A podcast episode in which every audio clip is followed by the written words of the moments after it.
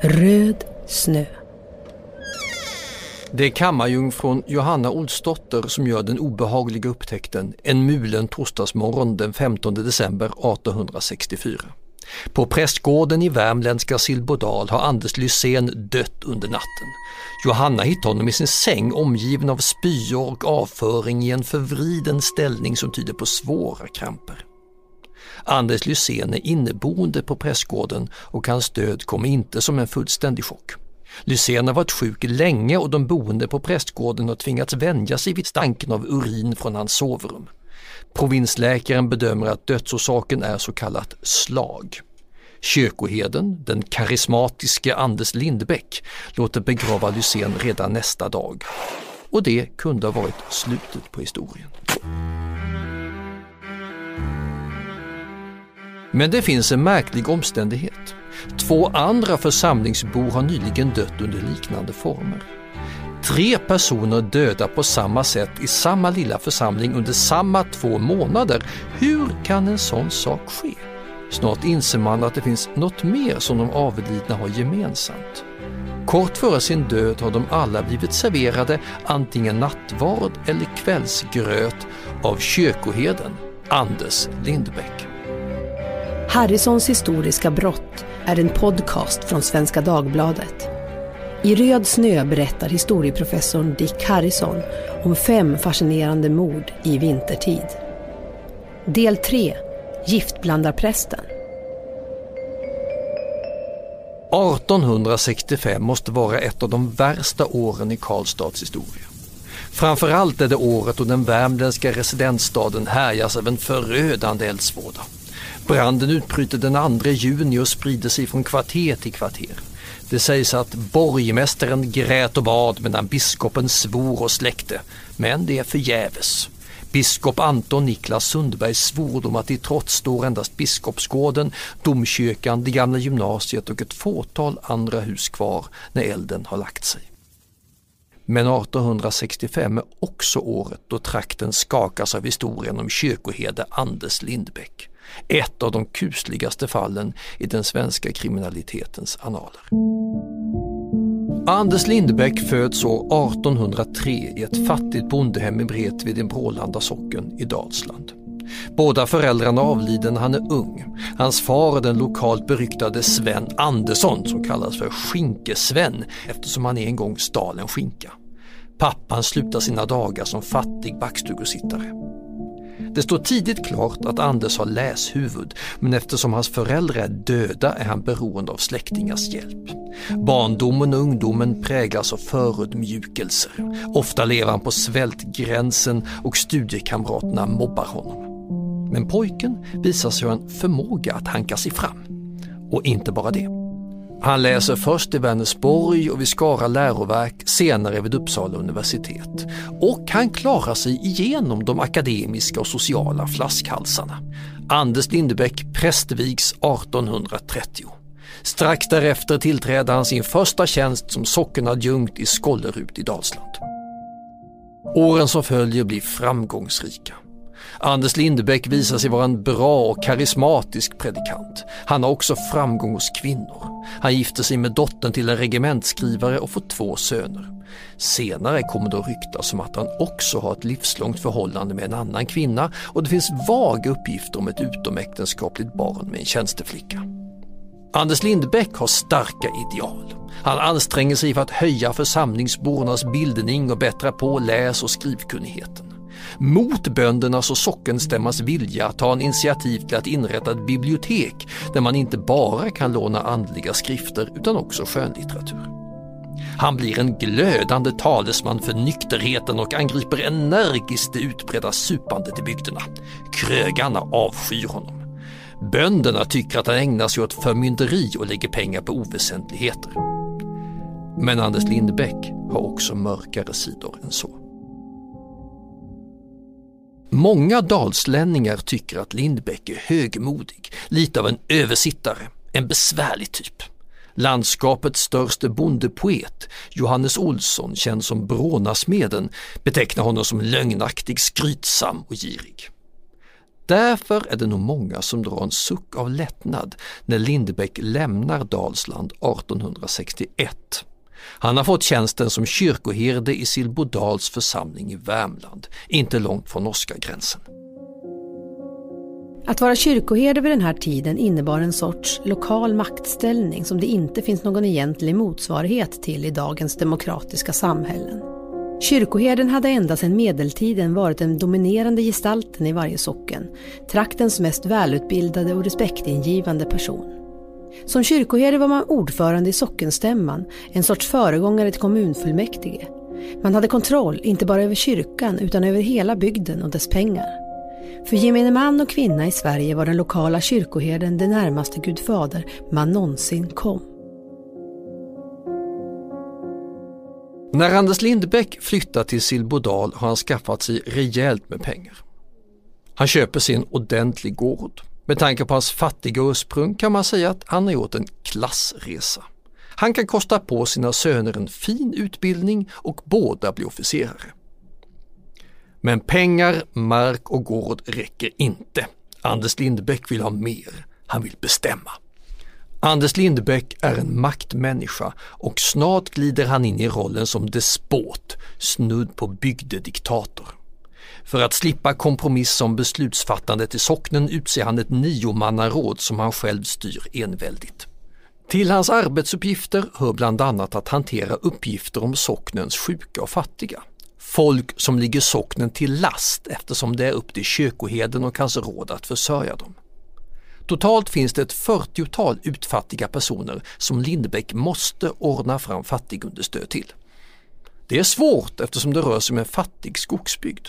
Det krävs 90 riksdaler om året för att understödja en enda fattig sockenbo, med andra ord mycket pengar. Hur ska kyrkoherden kunna reducera kostnaderna? Visst, han kan genomdriva reformer men det räcker inte. För att verkligen förbättra socknens ekonomi krävs hårdare nypor, radikala och enkla lösningar. Och få lösningar är lika radikala och enkla som att tillgripa arsenik. Inget gift är mer ökänt och beryktat som mordvapen än just arsenik. Böckernas och filmernas värld är full av arsenikhistorier. Från Frank Capras film Arsenik och gamla spetsar. But there's a body in the window seat! Yes, dear! Till Dorothy Sayers klassiska deckare Strong Poison. A striking face. Can that really be the face of a poison? Svenske Carl Jonas Love Almqvist myntade 1834 i romanen Drottningens juvelsmycke uttrycket Två ting är att vita, oskuld, arsenik. Själv tvingades författaren i landsflykt efter att ha försökt förgifta en ockrare med, ja just det, arsenik. Så vad beror den här fascinationen på? Jo, på det väldokumenterade faktum att det faktiskt var väldigt vanligt att folk dödades med giftet. I samband med restaureringen av Västerås domkyrka på 1950-talet la man stor energi på att analysera Erik XIVs kvarlevor som vilar i katedralen. Forskarna kunde notera stora mängder arsenik i kroppen, begravningstextilierna och den ursprungliga träkistan. Med stor sannolikhet dödades Erik XIV på order av sin egen bror, den inte särskilt släktkäre Johan III. Det råder däremot delade meningar om han fick i sig giftet via vinbägaren eller ärtsoppan. Men arsenik var inte bara kungarnas utan också böndernas gift. Det användes som medicin till hästar och bekämpningsmedel mot skadedjur. Det var billigt, effektivt och det fanns i alla familjers förråd. Arsenik finns även hemma hos kyrkoherden i Silbodal. Kammarjungfrun Johanna förvarar det i sin byrå och har det till att döda flugor och råttor. Men 1864 får giftet ett nytt användningsområde. Den 19 oktober blir Anders Lindbäck ombedd att komma hem till församlingsmedlemmen Daniel Anderssons stuga för att dela ut nattvarden. Daniel Andersson är en sjuklig man som är sängliggande sedan flera år tillbaka. Det är en mild kväll och regnet faller lätt när kyrkoherden beger sig till hans hem i byn Huken. Väl där ber Daniel att hans mor Karin, som bor i huset intill, också ska få delta i ritualen. Anders Lindbäck går med på det. Medan de väntar på att modern ska komma pratar kyrkoherden med Daniel om döden. Men när de har druckit av nattvardsvinet blir Daniel och Karin allvarligt sjuka. Båda två drabbas av hemska plågor och Karin dör. Sedan tar det bara lite mer än en månad innan ytterligare en man i församlingen avlider. Den 30 november dör inhysejonet Nils Pettersson i Fårskog som också han är fattig och som också han har mottagit nattvarden från Anders Lindbäck. Ändå är det först efter Anders Lyséns död den 15 december som någon anar oråd. Det börjar med att två av Lyséns anhöriga, en bror och en svåger, går igenom hans papper. De hittar saker som väcker misstankar. Anders Lysén har nämligen inte varit någon fattiglapp utan en före detta köpman. Enligt sin bokföring har han nyligen lånat ut 1000 kronor till kyrkoheden och dessutom skrivit ett skuldebrev på 10 000 kronor till kyrkohedens förmån. Man kan inte komma från det faktum att kyrkoheden har gynnats av Anders Lyséns död. De anhöriga begär gravöppning och obduktion. Till värmlänningarnas förvåning går kronolänsman med på kravet. I februari 1865 grävs liket upp och undersöks och mycket riktigt, arsenik påträffas i Anders Lyséns kropp. Kyrkoheden arresteras. Rättegången inleds i Långelanda en mil norr om Årjäng i slutet av april 1865. Ett av de mest fängslande vittnesmålen lämnas av Daniel Andersson. Den mördade Karins son är så sjuk att han inte själv kan infinna sig i rättssalen. Istället lämnar han in en skriftlig redogörelse till rätten. Där förklarar han att det inte rörde sig om en engångshändelse. Han hade tagit emot nattvarden av Anders Lindbäck flera gånger och varje gång drabbats av kräkningar och konvulsioner. Men kroppen var stark och han överlevde. Under rättegången framkommer också att Anders Lindbäck har försökt döda minst tre ytterligare personer fast de har haft tur och överlevt dosen. Efter de inledande förhandlingarna i Långelanda släpps Anders Lindbäck fri i väntan på nästa rättegångsrunda. En månad senare blir han formellt häktad men tillåts bo kvar i prästgården i väntan på transporten till länsfängelset i Karlstad. Kyrkoheden nekar till allt. Han låser in sig på pastorsexpeditionen och försöker begå självmord genom att skära sig i armar och ben, men han misslyckas och blir raskt omplåstrad. Rättegången får stor publicitet. Rikstäckande tidningar rapporterar om förloppet. Nyheten om illdåden sprider sig till Norge och Danmark.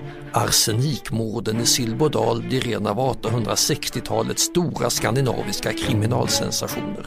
Inte olikt hur spektakulära och bisarra mord bereds plats i dagens medier. Det spända intresse med vilket hela landet för närvarande följer utvecklingen av den hemska brottmålshistoria i vilken kyrkoherden Lindbäck är huvudperson låter mig förmoda Läkare iakttog vid likets uppgrävning och stoftets upptagande all möjlig noggrannhet. Ganska många personer, såväl av ståndspersonsklassen som allmogen hade infunnit sig som åskådare. Lindbäcks egen uppgift om hur han praktiserat giftet i mjölktallrikarna åt Lysén synes allt annat än trovärdig. Så som bevis på ett av Lindbäcks mest framstående karaktärsdrag, en ytterlig snikenhet, samt hur djupt skurkaktigheten införlivats i hela hans väsende. Oblaterna sade sig kyrkoherden ha medfört i ett papper inlagt i foten på kalken. Lindbäck som vid förra förhöret bar prästrock och silverprästkrage hade nu bortlagt båda och bar en svart överrock. Det förefaller som domstolen allt för lätt övertolkat Lindbergs uppgift att han fått arseniken genom att avskrapa den från ett tefat med så kallat fluggift. Alla vill veta och alla har en åsikt. I synnerhet inom den politiska vänstern är vreden stor. Man misstänker att överhetens folk ska hålla varandra om ryggen och rädda prästen så som myndighetspersoner brukar hjälpas åt gentemot folket vid den här tiden. Skillingtrycksförfattarna har bråda dagar. Ett flertal sånger skrivs ihop, bland annat en som heter Giftblandarprästen. Till slut, den 11 juni 1865 erkänner Anders Lindbäck inför häradsrätten i Långelanda tingshus. Han döms till döden. Under andra hälften av 1800-talet var dödsstraffet fortfarande en realitet i Sverige. Mindre allvarliga brott kunde visserligen inte längre resultera i dödsstraff som de hade kunnat före 1864 års strafflag. Man hade också avskaffat de tidigare riktigt brutala formerna av dödsstraff. Till exempel rådbråkning som innebar att den dömdes armar och ben krossades. Sen flätades personens brutna lemmar in i ett hjul som hängdes upp i en påle där offret långsamt fick dö inför allmän beskådan. Nu användes istället halshuggning eller hängning. Men det var fortfarande få vanliga människor som ifrågasatte dödsstraffet som sådant. De kritiker som faktiskt fanns och som successivt vann mark tillhörde en politisk minoritet. När kyrkoherden har hört domen läsas upp håller han ett sista känslosamt anförande. Det rör många åhörare i rättssalen så till den milda en grad att de kommer fram och trycker hans hand innan han förs bort. Men biskop Sundberg, som i det längsta har trott på Lindbäcks oskuld och försvarat honom offentligt, har inget till övers för prästkollegan och förvägrar honom nattvarden. Hovrätten tvingar igenom en andra rättegång som bara resulterar i att dödsstraffet slås fast. Men innan domen hinner verkställas skrider Anders Lindebäck själv till verket och den här gången lyckas han. Han hänger sig i sin cell i fängelset i Karlstad den 20 november 1865. I ett av skillingtrycken från den tiden heter det Brottet är fullbordat alla redan som man ämnade att göra då. Ty han hängt sig ut i cellen sedan. Satan skulle ha sitt rov ändå. Gräsligt är att uppe honom tänka hur han under levnaden for fram.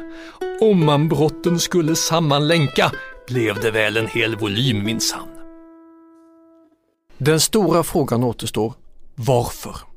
Hur resonerades i Anders Lindebäck fram till den mörka väg som ledde till mord? Personlig girighet kombinerat med omsorg om sockerfinanserna är naturligtvis en möjlighet. Och de flesta har antagit att det var där skon klämde. Men det finns också de som menar att det ytterst inte var penningkärlek som gjorde Lindbäck till mördare. I häradsrätten hävdade han själv att han begått morden av barmhärtighet. Att han gett sina församlingsmedlemmar frid från fattigdom, svält och sjukdomar. Och ja, Lindbäck kan mycket väl ha sett sig som Guds utsände som hade i uppdrag att skapa ordning på jorden genom att skona de allra fattigaste från deras lidande. Anders Lindbäck ska också ha varit intresserad av Carl Jonas Love Almqvist som för övrigt inte bara var författare och misslyckad mördare utan också präst. I Anders Lindbäcks bevarade papper påträffades en tidningsartikel om just Almqvist. Vissa spekulerar i att kyrkoheden har låtit inspirera sig av författaren. Närmare sanningen än så kommer vi inte. Det verkliga svaret på gåtan, det tog Anders Lindbäck med sig i graven. Du har lyssnat på Harrisons historiska brott med Dick Harrison, en podcast från Svenska Dagbladet. Producenter är Klara Wallin och Åsa Secker. Adam Svanell är redaktör. Ansvarig utgivare är Fredrik Karén och jag heter Erika Hallhagen.